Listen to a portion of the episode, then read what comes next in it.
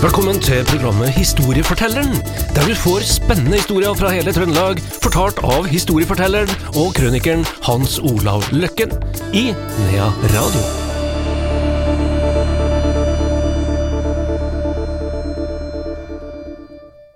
Historiefortelleren tilbake her i Nea Radio. Velkommen tilbake til deg også, Hans Olav Løkken. Jo, takk, takk. Du, i dag skal det handle om annet eh, Peter Arnett. Hvem var Peter Arnett? Peter Arnett han eh, går igjen i utrolig mange skriv. Han eh, går igjen i mange slektsbøker, gårdsbøker, som har med kommentarer om sin familie som har vært i rettssystemet. For han var på en måte en eh, aktor. Han altså var kongens mann i eh, Stjør og Verdal. Det het jo Stjør og Verdal tingrett helt til bare for et par år siden, nå er det, er det vel Trøndelag tingrett heter. Men Stjør og Verdal har jo vært i flere hundre år. Og på 1700-tallet så var han da kongens mann, i lag med folk over der igjen og sånn. Og siden han gikk igjen, da, for eksempel i den mest kjente rettssaken og, og henrettelsen vi har i, i, i Midt-Norge her omtrent, det er altså Ingeborg Klokkhaugens uh, død. Hun tok jo livet av tre av ungene sine oppe i Meråker og ble henretta på Langøra, den sandbanken uh, som skjærer gjennom rullebanen på Værnes. Der var det han som uh, i gåseøyne, jeg sier det i gåseøyne, fikk hun henretta da. Det var jo ikke han som henretta, men det var jo han som sørga for at hun ble dømt til henrettelse. Han signerte dommen. Yes, signerte dommen. Og derfor så går han igjen i mye tragedier, og fikk jo et stempel på seg. Og ved siden av å på en måte være en slags sorenskriver, da, og litt sånn øvrighetsperson, så var han jo fut, da. Og futen, det var jo skatteinndreveren, og folk som driver inn skatt, har aldri vært populære, og de er det ikke i dag heller, altså. Unnskyld dere som jobber i skattevesenet, du gjør en kjempejobb og sånn, men dere kan være ute etter meg, skulle jeg si. Nei da, det er spøk det, da, men altså, det, det, det, det, noen må gjøre den jobben òg. Men det er jo ikke dermed sagt du blir så veldig populær, da, men, men det er jo feil, for de gjør jo bare en jobb her, og, og flinke folk er det òg, mange av Og jobb gjorde jo Peter Arnett òg. Han gjorde den jobben, og, sånn, og han brukte den jobben for å ta andre som var over seg. Det er det spesielle med han her Peter Arnett som jeg fant ut, for jeg også dømte en Peter Arnett ned for noen år tilbake og syntes det var en forferdelig fyr. Og så begynner jeg å bruke litt fornuft og logikk og spore opp andre opplysninger og spore opp familien hans og alt mulig, og så ser jeg at han var jo en utrolig intelligent toppmenneske. Og, og, men det var mye bråk rundt han, men det var like mye bråk rundt hans andre dem han jobba i lag med. For han er altså en representant for det vi kaller kanselliet, og så sier folk til meg liksom helt helsike at det her er kanselliet for noe? Hvorfor bruker du det her ordet kanselli? Jo, kanselliet, det er altså det offentlige, skriftlige. Først så var det jo muntlig. Alt var muntlig, og var ordre i koder omtrent og sånn. Så begynte det offentlige ut, øh, å, å, å bli mer og mer mektig. Flere kunne skrive, og de som kunne skrive og behandle, det ble da kansellifolkene, og de fikk enorm makt. Altså Vanlige folk måtte jo gå til andre folk for å få laga et brev, ikke sant. Så han var representant for kanselliet, for han var jo da utdanna, kunne skrive og lese og alt det der. Men vi skal gå litt tilbake på 1700-tallet. Da var det veldig mye henrettelser av kvinner, som ble kalt da for lettferdige kvinnfolk, står det. De lettferdige kvinnfolk, det høres eh, litt sånn negativt ut, og, og, og, det var jo litt synd på dem. Det var da eh, kvinnfolk som uh, fødte i dølgsmål, og fø i dølgsmål betyr altså at du før hemmelig, og mange av dem tok livet av sine barn, i skam og for at ingen skulle oppdage det. Og det som er så interessant med de som før i dølgsmål, og som jeg har, har, skrevet ganske mye om, da, kjente personer uh, som jeg kan navngi, det er jo at noen av dem ville bli tatt, for de, de skjulte ikke liket.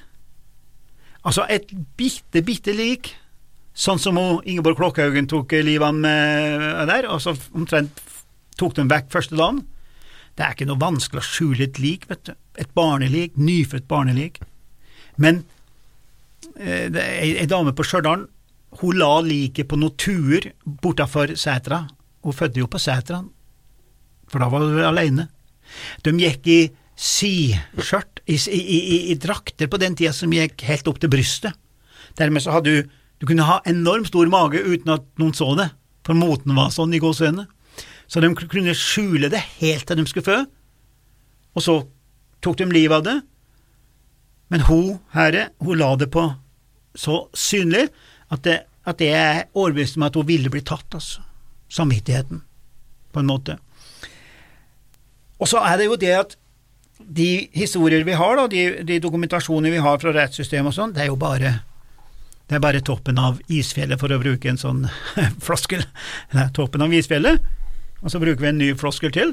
Altså, det er mange mørketall. Det er ikke det man sier, liksom, her. Så det er klart det er veldig mange som antakelig fødte, og som skjulte det og ble aldri oppdaga. Og så ble det da desto mer dramatisk for de som ble tatt, da. Og Da skal vi først møte hun her eh, Karen eh, Kristine Stub fra Verdalen, som var født i 1738, da.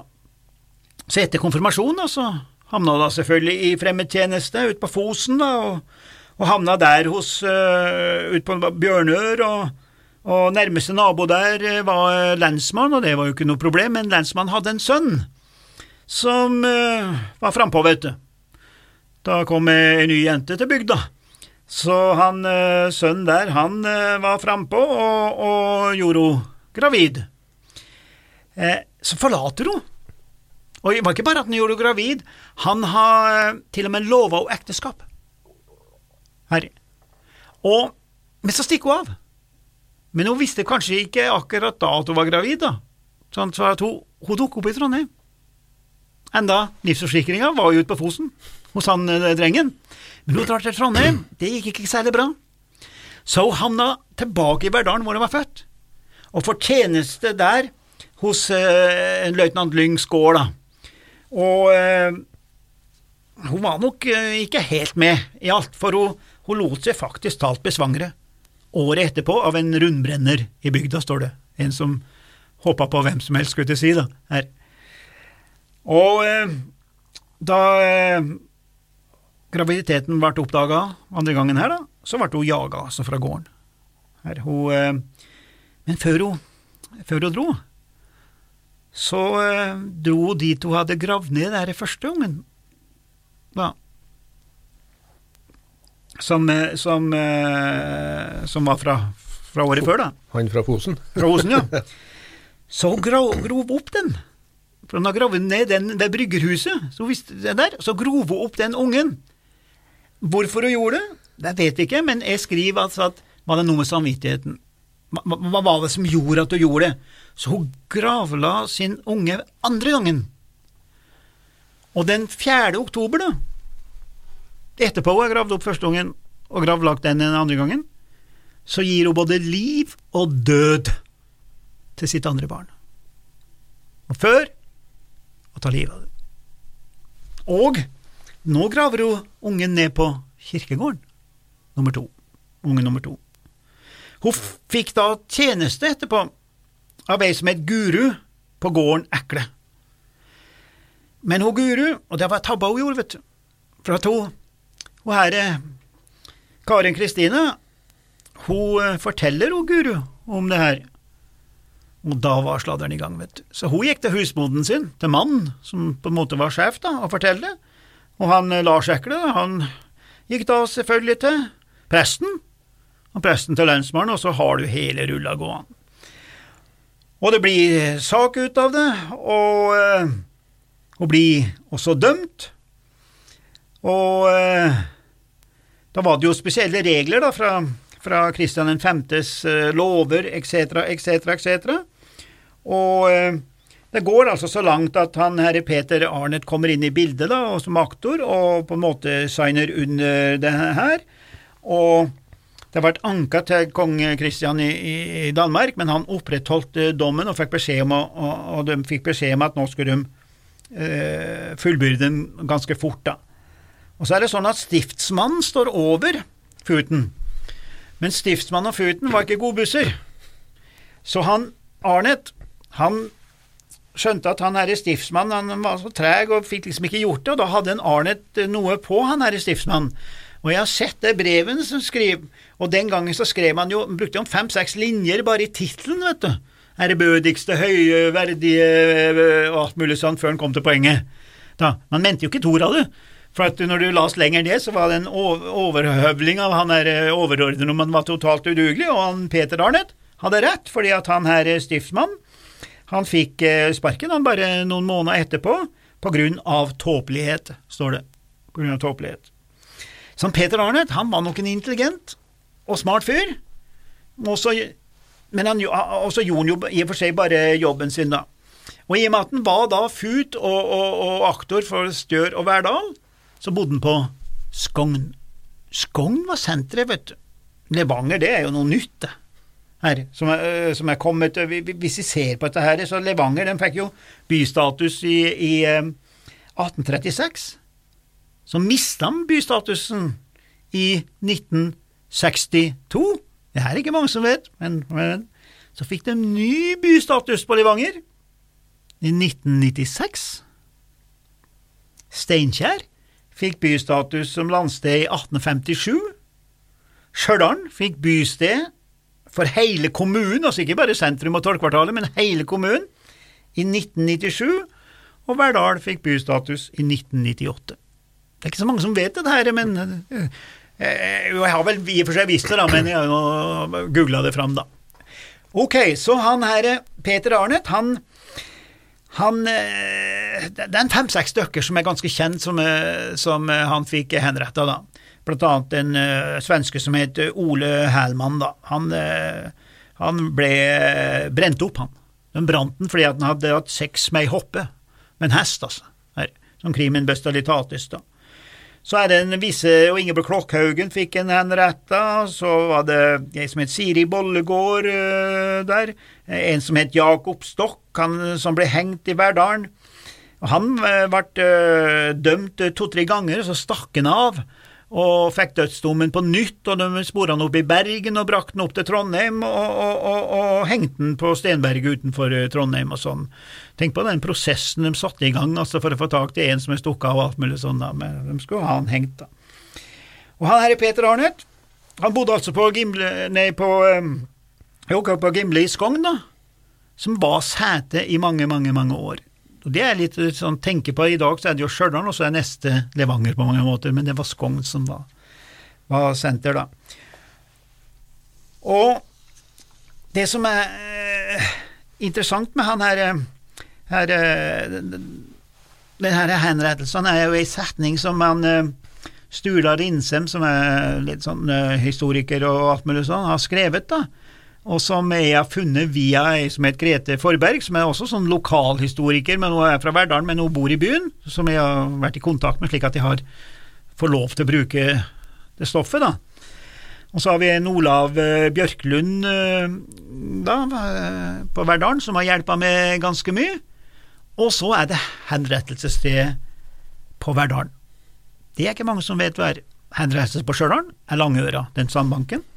Henrettelsesstedet det heter Stegelhaugen, og når du kjører forbi Verdalen og skal av E6, så tar du til høyre, litt som opp en skråvei, og så kan du kjøre over brua ned på industriområdet på, på det jeg kaller Aker, sånn der. Men hvis du kjører bare på E6 forbi, så kjører du på en måte liksom en kilometer gjennom skog, og så kommer du ut i sumpene, som jeg sier, for det er sånn eh, naturvernreservat ja. eller noe sånt med noe fugl og sånn der. Og tinnved. Tin, ja. Tinnvedkratt. Ja. Så går veien litt på slaghopp, og da passerer du en stor haug på siden som heter Nordberghaugen. Men så er det den lille haugen på andre siden, den kalles Stegelhaugen. Den eies i dag av en som het Ole Martin Skavdal. Så jeg har da selvfølgelig vært der og prata med han. Og han er jo stolt av haugen og hele greia, selvfølgelig, det er han som eier den.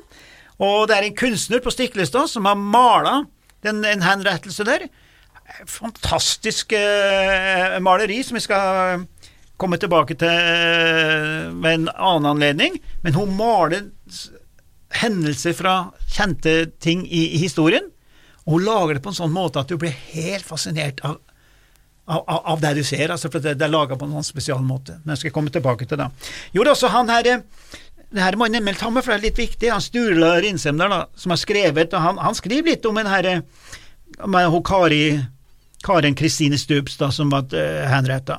Og da skriver han sånn uh, prosaisk da, at uh, på denne plassen, altså Stegelhaugen, da, sto Karen Kristine Stubbs hode på stake og stirret med sine tomme øyenhuler utover Trondheimsfjorden.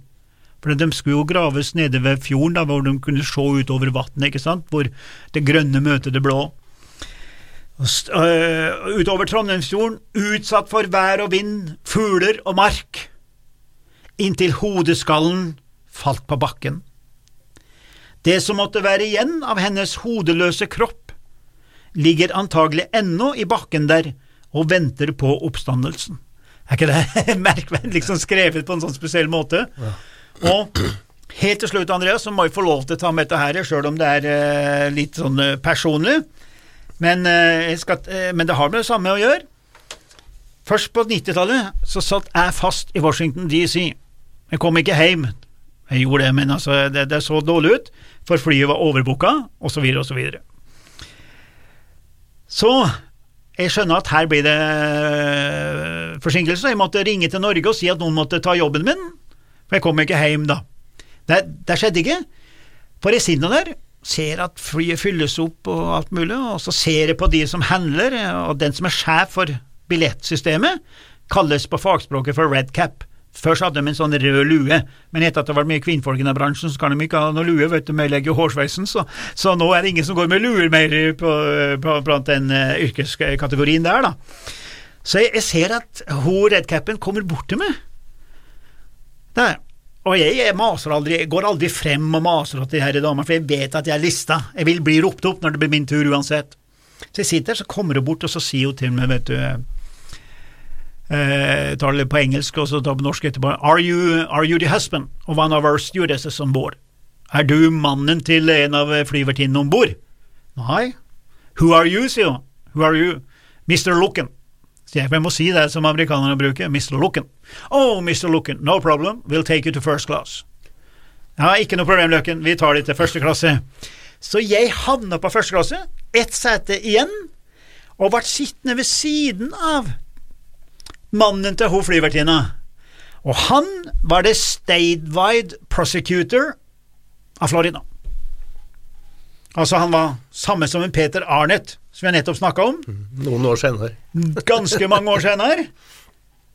Og akkurat da så var det en veldig diskusjon om å gå fra giftsprøyte til en elektriske stol, eller omvendt.